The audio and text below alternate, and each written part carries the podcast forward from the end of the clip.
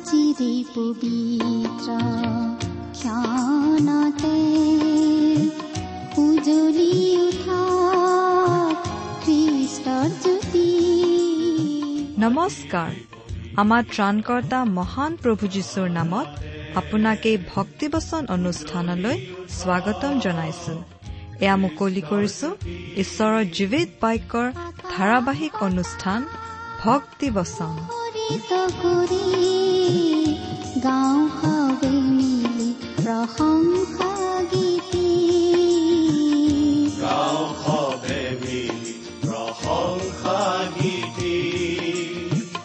আজিৰে পবিত্ৰ ক্ষণতে উজলি উঠা খ্ৰীষ্টৰ আপোনাৰ জীৱনত যদি শান্তি পাব বিচাৰে তেন্তে এয়া ঈশ্বৰৰ বাক্যৰ সান্তনা বাক্য ভক্তি বচন।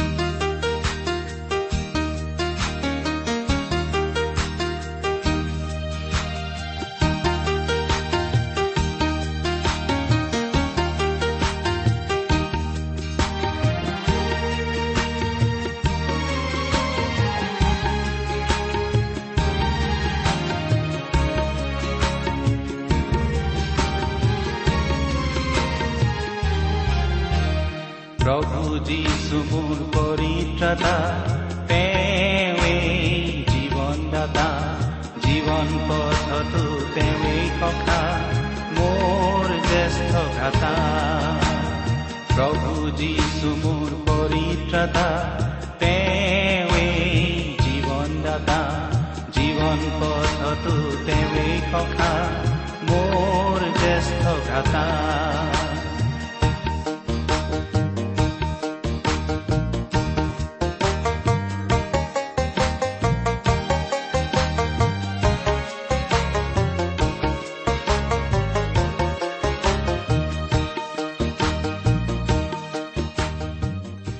আমাৰ পৰম পবিত্ৰ প্ৰভু যীশুখ্ৰীষ্টৰ নামত নমস্কাৰ প্ৰিয় শ্ৰোতা। আশা কৰো মহান পিতা পৰমেশ্বৰৰ মহান অনুগ্ৰহত আপুনি ভালে কুশলে আছে। প্ৰিয় শ্ৰোতা আপুনি যে আমাৰ এই ভক্তিবচন অনুষ্ঠানটো শুনিছে তাৰ দ্বাৰা আচলতে ঈশ্বৰৰ প্ৰতি থকা আপোনাৰ শ্ৰদ্ধা ভক্তিৰ কথাই প্ৰকাশ পাইছে। সেই মহান ঈশ্বৰৰ মহান বাক্য বাইবেল শাস্ত্ৰৰ সহজ সৰল অধ্যয়নেই আমাৰ এই ভক্তিবচন অনুষ্ঠানটোৰ উদ্দেশ্য। সেই ক্ষেত্ৰত আমি কিমান দূৰ সফল হৈছো তাৰ বিচাৰ আপোনালোকৰ হাতত। আপোনালোকৰ মতামত আদি আমালৈ চিঠি লিখি জনাবচোন।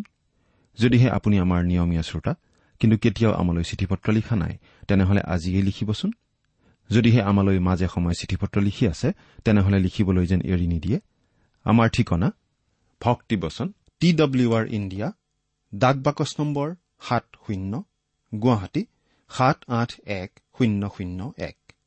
ভক্তিবচন T W R India postbox number seventy Guwahati seven eight one zero' zero' one আমাৰ website W W W dot radio' eight eight two dot com আহকচোন আজিৰ বাইবেল অধ্যয়ন আৰম্ভ কৰাৰ আগতে খন্তেক প্ৰাৰ্থনাত মূৰ দুৱাওঁ। আমি প্ৰাৰ্থনা কৰো স্বৰ্গত থকা অসীম দয়ালু পিতৃশ্বৰ তোমাৰ মহান নামৰ ধন্যবাদ কৰো। তুমি সৰ্বশক্তিমান সৰ্বব্যাপী সৰ্বজ্ঞানী ঈশ্বৰ হৈও আমাৰ দৰে মানুহক ইমান যে প্ৰেম কৰা সেই কথা ভাবিলেই আচৰিত লাগে। তুমি আমাক ইমানেই প্ৰেম কৰিলা যে আমাক পৰিত্ৰাণ দিবলৈ তুমি তোমাৰ একেজাত পুত্ৰ যীশুখ্ৰীষ্টকে আমালৈ দান কৰিলা। তেওঁ আমাৰ সকলো পাপৰ বোজা নিজৰ কান্ধত লৈ আমাৰ হৈ ক্ৰুচত প্ৰাণ দিলে। নিজৰ পবিত্ৰ তেজেৰে আমাৰ পাপৰ প্ৰায়চিত্ৰ কৰিলে। আজি তেওঁত বিশ্বাস কৰি আমি অনন্ত জীৱন লাভ কৰি তোমাক পিতৃ বুলি মাতিব পৰা হৈছো। তাৰ বাবে তোমাক অশেষ ধন্যবাদ পিতা। এতিয়া আমি তোমাৰ মহান বাক্য বাইবেল শাস্ত্ৰ অধ্যয়ন কৰিবলৈ ওলাইছো। প্ৰাৰ্থনা কৰিছো পিতা তোমাৰ বাক্য বুজি পাবলৈ তুমি আমাক সহায় কৰা। এই অনুষ্ঠান শুনি থকা আমাৰ মৰমৰ শ্ৰোতাসকলক তুমি উপচি পৰাকৈ আশীৰ্বাদ কৰা। তেওঁলোকৰ জীৱন তোমাৰ মহান আশীৰ্বাদেৰে সফল কৰি তোলা। তোমাৰ স্পষ্ট মাত তেওঁলোকক শুনিবলৈ দিয়া কিয়নো এই প্ৰাৰ্থনা আমাৰ মহান ত্ৰাণকৰ্তা মৃত্যুঞ্জয়ী প্ৰভু যীশুখ্ৰীষ্টৰ নামত আগবঢ়াইছো। আহমেন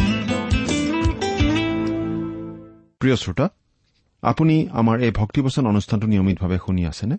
যদিহে আপুনি আমাৰ এই অনুষ্ঠানটো শুনি আছে তেনেহলে আপুনি নিশ্চয় জানে যে আমি আজি ভালেমান দিন ধৰি বাইবেলৰ নতুন নিয়ম খণ্ডৰ ইব্ৰীবিলাকৰ প্ৰতি পত্ৰ নামৰ পুস্তকখন অধ্যয়ন কৰি আছো। নহয় জানো? ইতিমধ্যে আমি বহুখিনি আগবাঢ়ি আহিছো। যদিহে আপুনি আমাৰ যোৱা অনুষ্ঠানটো শুনিছিল আপোনাৰ নিশ্চয় এই কথা মনত আছে যে যোৱা অনুষ্ঠানত আমি এই ইব্ৰী পুস্তকখনৰ এঘাৰ নম্বৰ অধ্যায়ৰ ঊনত্ৰিশ নম্বৰ পদলৈকে আমাৰ আলোচনা আগবঢ়ালো। আজি আমি ইব্ৰী পুস্তকৰ এঘাৰ নম্বৰ অধ্যায়ৰ ত্ৰিশ নম্বৰ পদৰ পৰা আমাৰ আলোচনা আগবঢ়াব খুজিছো। এই ইব্ৰী পুস্তকখন হৈছে এখন চিঠি আৰু যথেষ্ট গভীৰ তত্বমূলক পুস্তক। ইব্ৰী অৰ্থাৎ জিহুদী খ্ৰীষ্টীয় বিশ্বাসীসকললৈ এই চিঠিখন লিখা হৈছিল যদিও আজি আমাৰ বাবে ইয়াত শিকিবলগীয়া অনেক কথা আছে। প্ৰিয় শ্ৰোতা আমাৰ এই অনুষ্ঠানটো বাইবেল অধ্যয়নৰ অনুষ্ঠান গতিকে এই অনুষ্ঠানটো শুনাৰ সময়ত লগত বাইবেলখন লৈ ললে ভাল হয়। আপুনি আপোনাৰ বাইবেলখন মেলি লৈছেনে বাৰু? আহক এতিয়া আমি অধ্যয়নৰ পিনে আগবাঢ়ো। প্ৰিয় শ্ৰোতা ইব্ৰী পুস্তকৰ এই এঘাৰ নম্বৰ অধ্যায়ত আমি ইতিমধ্যে ভালেকেইজন লোকৰ বিষয়ে পঢ়িলো। আৰু তেওঁলোকৰ বিশ্বাসৰ কাৰণেই তেওঁলোক ঈশ্বৰৰ দৃষ্টিত গ্ৰহণীয় হৈছিল বুলি আমি পঢ়িবলৈ পালো। আজি আমি আৰু কেইগৰাকীমান লোকৰ বিশ্বাসৰ কথা পঢ়িবলৈ পাম। বাইবেলৰ পৰা পাঠ কৰি দিম। ইব্ৰী এঘাৰ নম্বৰ অধ্যায়ৰ ত্ৰিশ নম্বৰ পদ।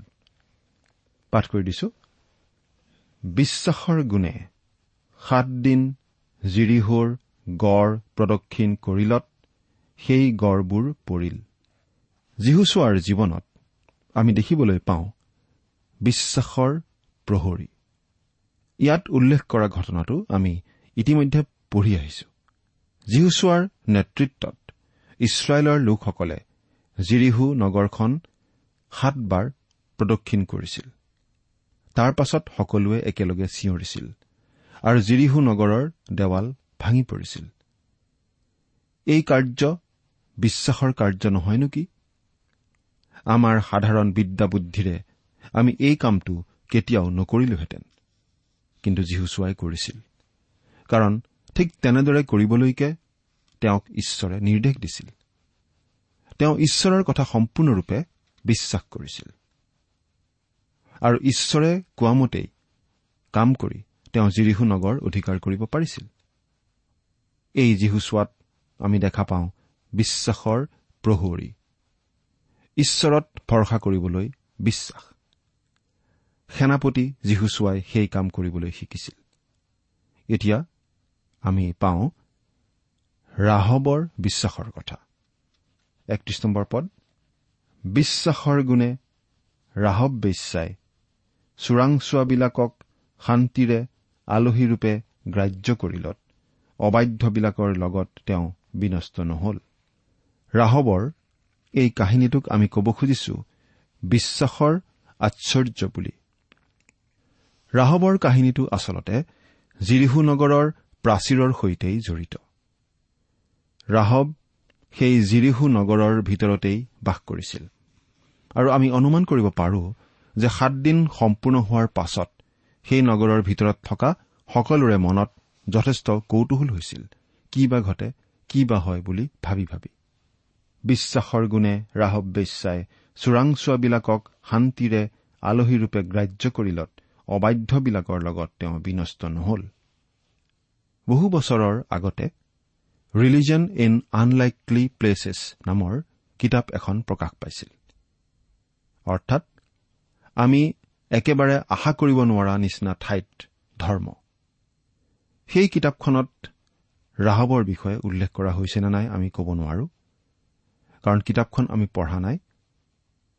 কিন্তু সেই কিতাপখনত ৰাহবে নিঃসন্দেহে স্থান পোৱা উচিত বুলি আমি ভাবো। আমি কেতিয়াও জিৰিহু নগৰৰ মাজত বিশ্বাস পাম বুলি আশা নকৰিলোহেঁতেন। সেই ঈশ্বৰবিহীন বৰ্বৰ নগৰখনতেই ৰাহব বাস কৰিছিল আৰু সেই নগৰত ৰাহবে পৃথিৱীৰ সকলোতকৈ প্ৰাচীন ব্যৱসায়টো কৰিছিল। সেই ব্যৱসায়টো কৰা মহিলাসকলক সদায় পাপী বুলিহে গণ্য কৰা হয়। অৱশ্যে আজিকালিৰ নতুন নৈতিকতাৰ দিনত কথাবোৰ অলপ সলনি হৈছে। এই মহিলাগৰাকী এগৰাকী পাপী আছিল। তথাপি আমাক ইয়াত এই বুলি কোৱা হৈছে বিশ্বাসৰ গুণে ৰাহব বেশ্যাই চোৰাংচোৱাবিলাকক শান্তিৰে আলহীৰূপে গ্ৰাহ্য কৰিলত অবাধ্যবিলাকৰ লগত তেওঁ বিনষ্ট নহল। আমি এই বুলি অনুমান কৰিব পাৰো যে সেই জিৰিহু নগৰৰ মেয়ৰ নাইবা আন আন উচ্চ পদবীধাৰী লোকসকলে নিজকে খুব ভাল মানুহ বুলি আৰু পৰিত্ৰাণ পোৱাৰ যোগ্য লোক বুলি হয়তো ভাবিছিল। কিন্তু তেওঁলোক ৰক্ষা পোৱা নাছিল। তেওঁলোক ধ্বংস হোৱাৰ পৰা সাৰি যোৱা নাছিল। আমাক এই বুলিহে কোৱা হৈছে যে তেওঁলোক সকলো সেই নগৰৰ লগতে ধ্বংস হৈছিল। মাত্ৰ এটা কাৰণত। তেওঁলোকে ঈশ্বৰক বিশ্বাস কৰা নাছিল। আমি এই কথাটো দেখিবলৈ পাম যে ঈশ্বৰে আচলতে জিৰিহু নগৰৰ ক্ষেত্ৰত যথেষ্ট উদাৰ ব্যৱহাৰ কৰিছিল। বহুতো সমালোচকে ঈশ্বৰকেই সমালোচনা কৰিব খোজে জিৰিহু নগৰৰ মানুহবিলাক ধ্বংস কৰাৰ কাৰণে। জিৰিহু নগৰৰ মানুহবিলাকৰ বিলাই বিপত্তি দেখি ঘৰিয়ালৰ চকুপানী টোকা মানুহ বহুত আছে। কিন্তু সেই মানুহবিলাকে যিবোৰ মানুহক সঁচাকৈয়ে সহানুভূতি দেখুৱাব লাগে তেনেকুৱা মানুহক সহানুভূতি দেখুৱাবলৈ পাহৰিয়েই যায়। আমি এই ৰাহব নামৰ মহিলাগৰাকীক অলপ চাব খুজিছো কাৰণ তেওঁ অতি চকুত লগা ধৰণে নিজৰ বিশ্বাস প্ৰদৰ্শন কৰিছিল। যেতিয়া ইছৰাইলৰ লোকসকলে লোহিত সাগৰ পাৰ হৈছিল। তেতিয়া সেই খবৰ শুনি জিৰিহুৰ মানুহবিলাকৰ যথেষ্ট ভয় লাগিছিল। কিন্তু প্ৰচণ্ড বাৰিষাৰ সময়ত ইমানবোৰ ইছৰাইলীয় লোক জৰ্দন নদী পাৰ হৈ আহিব পাৰিব বুলি তেওঁলোকে কল্পনাই কৰা নাছিল। নৈখন সেই সময়ত একেবাৰে ফেনে ফুটুকাৰে উপচি আছিল আৰু নৈখনৰ ওপৰত কোনো দলঙো নাছিল। গতিকে মানুহবোৰনো কেনেকৈ পাৰ হৈ আহিব? গতিকে জিৰিহুৰ মানুহবিলাকে ভাবি আছিল যে তেওঁলোকে নিজৰ প্ৰতিৰক্ষাৰ বাবে আঁচনি ল'বলৈ যথেষ্ট সময় আছে। আৰু বাৰিষা কাল থকালৈকে তেওঁলোক নিৰাপদ। এইবুলি তেওঁলোকে ভাবি আছিল। তেনে সময়তে যীহুচুৱাই জিৰিহু নগৰলৈ চোৰাংচোৱা পঠিয়ালে। আৰু সেই চোৰাংচোৱা কেইজনে এই ৰাহব নামৰ মহিলাগৰাকীক লগ পালে। হয়তো ৰাহবে তেওঁলোকৰ লগতো নিজৰ ব্যৱসায়টো কৰিব খুজিছিল। আৰু তেওঁলোকে সেই প্ৰস্তাৱ গ্ৰহণ কৰিছিল নে নাই আমি নাজানো। কিন্তু আমি এই কথা হলে জানো যে তেওঁলোকে ৰাহবক জনাই দিছিল যে তেওঁলোকে এটা বিশেষ কামতহে তালৈ আহিছে। তেওঁলোকক আশ্ৰয়স্থান লাগে আৰু ঈশ্বৰে জিৰিহু নগৰ ধ্বংস কৰিব। তেওঁলোকে ৰাহবক অন্ততঃ সিমানখিনি কথা জনাইছিল বুলি আমি ক'ব পাৰোঁ। তেওঁ তেওঁলোকক ভিতৰলৈ নি নিজৰ ঘৰৰ ছালত লুকুৱাই ৰাখিছিল আৰু সেই কাম কৰি নিশ্চয় নিজৰ জীৱন বিপন্ন কৰিছিল। কিন্তু তাৰ বিনিময়ত এটা অনুগ্ৰহ বিচাৰিছিল। যেতিয়া আপোনালোকে এই নগৰখন অধিকাৰ কৰিব তেতিয়া মোৰ কথা আৰু মোৰ পৰিয়ালৰ কথা মনত ৰাখিব আমাক ৰক্ষা কৰিব এইবুলি তেওঁ অনুৰোধ কৰিছিল। চোৰাংচোৱা কেইজনে সেইটো কৰিবলৈ প্ৰতিজ্ঞা কৰিছিল। তেওঁলোকে কলে সেই ঘৰৰ খিৰিকীৰে এডাল ৰঙচুৱা ৰছী ওলোমাই থবলৈ যাতে সেইডাল দেখি যীহুচোৱা সাৱধান হয় সেই ঘৰটো ৰক্ষা কৰিবলৈ। ৰাহবৰ সাক্ষ্য আমি পাওঁ যীহুচোৱা পুস্তকত। আমি পঢ়ি চাব খুজিছো? আৰু সেই মানুহকেইজনক কলে জিহুৱাই তোমালোকক যে দেশ দিলে আৰু তোমালোকৰ পৰা যে আমি ত্ৰাসিত হৈছো আৰু দেশ নিবাসী আটাই লোক তোমালোকৰ কাৰণে ভয়ত দ্ৰৱ হৈ গৈছে তাক মই জানিছো। কিয়নো তোমালোক মিছৰৰ পৰা ওলাই অহা সময়ত জিহুৱাই তোমালোকৰ সাক্ষাতে কেনেকৈ চুফ সাগৰৰ পানী শুকুৱাইছিল আৰু জৰ্দনৰ সিপাৰে থকা চিহুন আৰু ওগ নামেৰে ইমূৰীয়াবিলাকৰ দুজন ৰজালৈ তোমালোকে কেনে ব্যৱহাৰ কৰি তেওঁবিলাকৰ নিশেষে বিনষ্ট কৰিছিলা তাক আমি শুনিলো। আৰু শুনা মাত্ৰকে আমাৰ হৃদয় ভয়ত দ্ৰৱ হৈ গ'ল। তোমালোকৰ কাৰণে কাৰো সাহ আৰু নাথাকিল।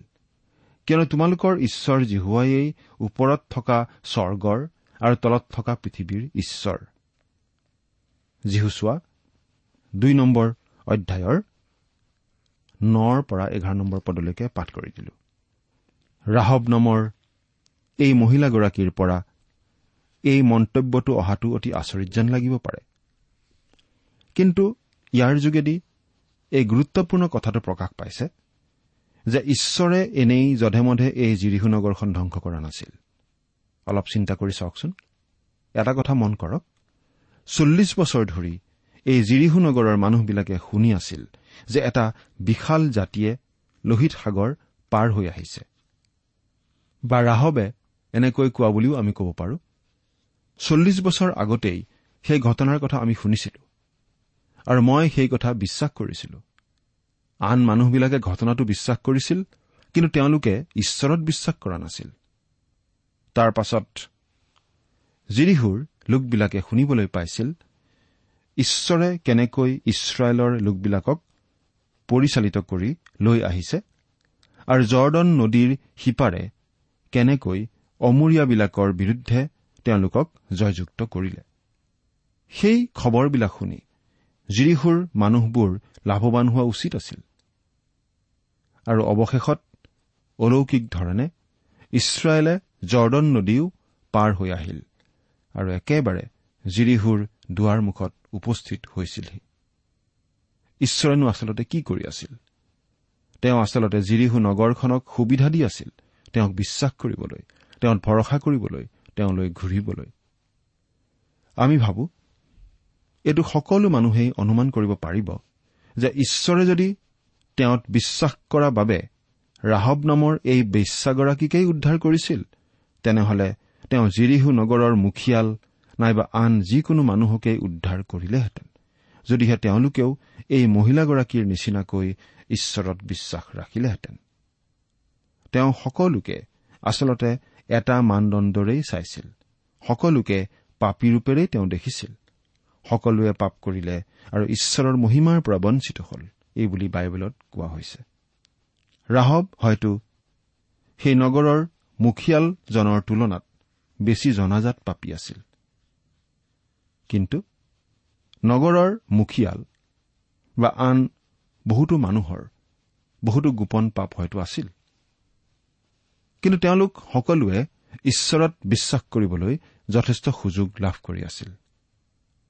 তেওঁলোকে ঈশ্বৰত বিশ্বাস কৰিব নে নকৰিব সেইটো সিদ্ধান্ত ল'বলৈ চল্লিছ বছৰ সময় পাইছিল। কিন্তু মাত্ৰ এগৰাকী মহিলা অৰ্থাৎ সেই ৰাহব বেশ্যাইহে সিদ্ধান্ত ল'লে ঈশ্বৰক বিশ্বাস কৰিবলৈ। আৰু ঈশ্বৰে তেওঁক ৰক্ষা কৰিলে। কোনো মানুহ নষ্ট হোৱাটো ঈশ্বৰে নিবিচাৰে। অনুতাপ কৰিবলৈ তেওঁত বিশ্বাস কৰিবলৈ সকলোকে ঈশ্বৰে সুবিধা দিয়ে। আনকি এগৰাকী বেশ্যায়ো তেওঁত বিশ্বাস কৰি উদ্ধাৰ পাব পাৰে। ৰাহবে বিশ্বাস প্ৰদৰ্শন কৰিছিল সেই চোৰাংচোৱা কেইজনে কোৱা মতে কাম কৰি। ঘৰৰ খিৰিকীৰে এডাল ৰঙা বৰণীয়া ৰছী ওলোমাই ৰাখি। অৰ্থাৎ ৰাহবৰ বিশ্বাস কাৰ্যৰ যোগেদি প্ৰকাশ পাইছিল। এই মহিলাগৰাকীৰ যোগেদি আমি দেখা পাওঁ বিশ্বাসৰ আশ্চৰ্য। ঈশ্বৰে সকলো মানুহকে একে দৃষ্টিৰেই চায় আৰু সকলো ধৰণৰ মানুহেই তেওঁত বিশ্বাস কৰি পৰিত্ৰাণ পাব পাৰে। ঈশ্বৰৰ মহিমা অনুগ্ৰহ সঁচাকৈ আচৰিত। এতিয়া বত্ৰিশ নম্বৰ পদটো পঢ়ি দিম। আৰু কি কম? Gideon Barak Samson Jephthah ডায়ুদ Samuel আৰু ভাৱবাদীসকল। এই সকলোৰে বৃত্তান্ত কবলৈ গ'লে সময় নোজোৰে। মুঠতে বিশ্বাসৰ বীৰ বহুতো আছিল।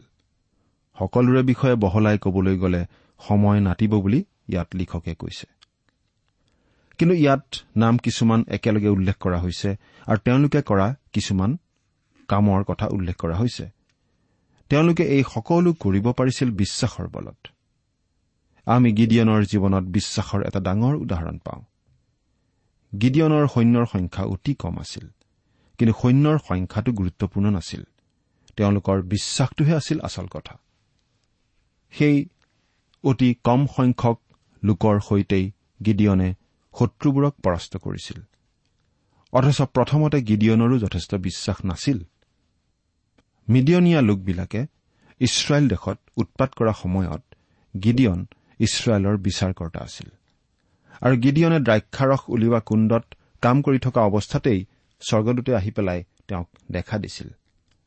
আমি সেই বিষয়ে অলপ পঢ়িবলৈ আগবাঢ়িছো। বিচাৰকৰ্তাবিলাকৰ পুস্তকখনৰ ছয় নম্বৰ অধ্যায়ৰ বাৰ নম্বৰ পদত। তেতিয়া জিহুৱাৰ দূতে তেওঁক দৰ্শন দি কলে হে মহাবীৰ জিহুৱা তোমাৰ লগত আছে। গিডিয়ন আচলতে ইমান সাহসী নাছিল। গতিকে নিশ্চয় আচৰিত হৈছিল। আৰু তেওঁ কিজানি কৈছিল? মই? মইতো একো কামৰ যোগ্য নহয়। তেতিয়া ঈশ্বৰে কৈছিল সেইবাবেই মই তোমাক বাছি লৈছো। ঈশ্বৰে লাহে লাহে এই লোকজনৰ বিশ্বাস বৃদ্ধি কৰালে। আৰু তেওঁৰ যোগেৰে মাত্ৰ তিনিশজন সৈন্যৰ বাহিনী এটাৰে মিডিয়নীয়াবিলাকক পৰাস্ত কৰিলে। অৰ্থাৎ সাধাৰণ ভীৰু মানুহজনৰ জীৱনত বিশ্বাসে আচৰিত কৰ্ম সম্পাদন কৰিলে। ঈশ্বৰে এনেদৰে অতি সাধাৰণ মানুহক লৈয়েই অসাধাৰণ কাম কৰিব পাৰে যদিহে আমি বিশ্বাস কৰো। এই কথাটো আজি প্ৰতিজন খ্ৰীষ্টীয় বিশ্বাসীয়ে মনত ৰখা উচিত। আমি কোন আমাৰ কি আছে আমাৰ প্ৰতিভা কি আছে আমি কিমান বিখ্যাত কিমান শিক্ষিত ইত্যাদি কথালৈ আমি নিশ্চয় চিন্তা কৰা উচিত নহয়। যদিহে আমাৰ বিশ্বাস আছে তেতিয়াহ'লে ঈশ্বৰে আমাক ব্যৱহাৰ কৰিব পাৰে। এই কথাটো বিশ্বাস কৰি আমি নিজকে ঈশ্বৰৰ হাতত সোধাই দিয়া উচিত। তেতিয়া ঈশ্বৰে আমাক তেওঁৰ ইচ্ছামতে ব্যৱহাৰ কৰিব পাৰে। এতিয়া আমি তাৰ পাছৰ পদটো পঢ়িম। তেত্ৰিশ নম্বৰ পদ। ইয়াত লিখা আছে তেওঁবিলাকে বিশ্বাসৰ দ্বাৰাই নানা ৰাজ্য পৰাজয় কৰিলে ধৰ্মকৰ্ম কৰিলে প্ৰতিজ্ঞাৰ ফল পালে সিংহবোৰৰ মুখ বন্ধ কৰিলে অগ্নিৰ তাপ নুমুৱালে। কোনবিলাকে? আকৌ পঢ়ি দিছো বত্ৰিশ পদৰ সেই নামকেইটা। গিডিয়ন বাৰাক চিমছন জিপ্ত ডায়ুদ চমুৱেল আৰু ভাৱবাদীসকল। সেই মানুহবোৰৰ বিভিন্ন কাৰ্যৰ কথা বিশ্বাসৰ বলত কৰা কাৰ্যৰ কথা ইয়াত উল্লেখ কৰা হৈছে। আৰু তেওঁলোকৰ সকলোবোৰ কাৰ্যৰ কথা উল্লেখ কৰা হোৱা নাই কিন্তু কিছুমান বিশেষ বিশেষ কথা ইয়াত উল্লেখ কৰা হৈছে। তেওঁলোকে নানা ৰাজ্য পৰাজয় কৰিলে। বিভিন্ন যুদ্ধ তেওঁলোকে জয় কৰিলে। তেওঁলোকে নানা ধৰণৰ ধৰ্মকৰ্ম কৰিলে। তেওঁলোকে প্ৰতিজ্ঞাৰ ফল পালে। সিংহবোৰৰ মুখ বন্ধ কৰিলে। অগ্নিৰ তাপ নুমুৱালে। সিংহবোৰৰ মুখ বন্ধ কৰিলে বুলি কোৱাৰ লগে লগে আমি নিশ্চয় অনুমান কৰিব পাৰিছো কাৰ কথা কোৱা হৈছে। আমি জানো যে সিংহবোৰৰ মুখ বন্ধ কৰা কথাটো কোৱা হৈছে দানিয়েল ভাৱবাদীৰ বিষয়ে। যদিও ইয়াত তেওঁৰ নামটো উল্লেখ কৰা হোৱা নাই। দানিয়েল ভাৱবাদীক সিংহৰ গঁড়ালত পেলাই দিয়া হৈছিল।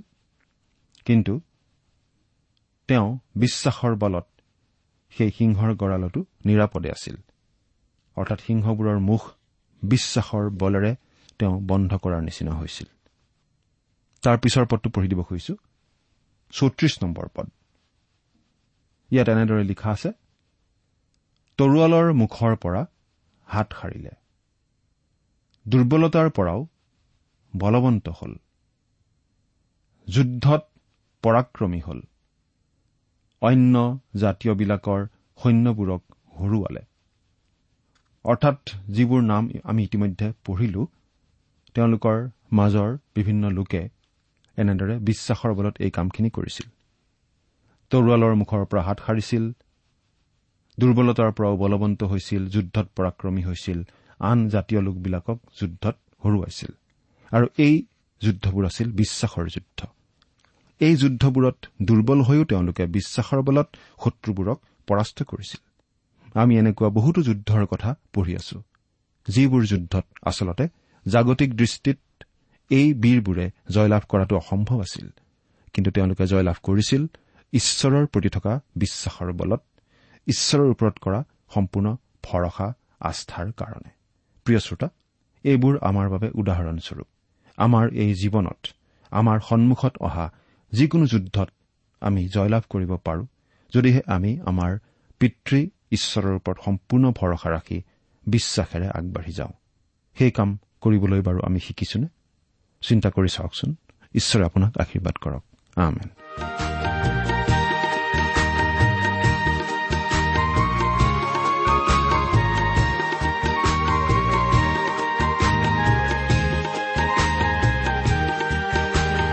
এন্ধাৰ বাটত মোক পোহৰ দিয়ে পিছল বাটত মোক ধৰি নিয়ে।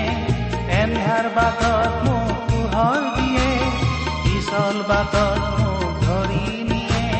মোৰ জ্যেষ্ঠ ভাষা। এন্ধাৰ বাটত মোক পোহৰ দিয়ে পিছল বাটত মোক ধৰি নিয়ে। ইমান পৰে আপুনি ভক্তিবচন অনুষ্ঠানটি শুনিলে। অনুষ্ঠানটি শুনি কেনে পালে আমালৈ চিঠি লিখি জনাবচোন? অনুষ্ঠানত প্ৰচাৰ কৰা কোনো কথা বুজিব লগা থাকিলেও আমালৈ লিখক। আমাৰ ঠিকনা ভক্তিবচন টি ডাব্লিউ আৰ ইণ্ডিয়া ডাক বাকচ নম্বৰ সাত শূন্য গুৱাহাটী সাত আঠ এক শূন্য শূন্য এক। ঠিকনাটো আৰু এবাৰ কৈছো ভক্তিবচন টি ডাব্লিউ আৰ ইণ্ডিয়া ডাক বাকচ নম্বৰ সাত শূন্য গুৱাহাটী সাত আঠ এক শূন্য শূন্য এক। আপুনি ইমেইল যোগেৰেও আমাৰ সৈতে যোগাযোগ কৰিব পাৰে। আমাৰ ইমেইল আইডিটো হৈছে Assamese T TV at radio' eight eight two dot com. আইডিটো আকৌ এবাৰ কৈছো। Assamese T TV at radio' eight eight two dot com. আপুনি টেলিফোনৰ মাধ্যমেৰেও আমাক যোগাযোগ কৰিব পাৰে। আমাৰ টেলিফোন নম্বৰটো হৈছে শূন্য তিনি ছয় এক দুই ছয় শূন্য চাৰি ছয় সাত এক। ফোন নম্বৰটো আকৌ এবাৰ কৈছো zero' three six one two six zero' four six seven one. আজিৰ অনুষ্ঠানটি ইমানতে সামৰিছো। ঈশ্বৰৰ শান্তি আৰু অনুগ্ৰহ আপোনাৰ লগত থাকক।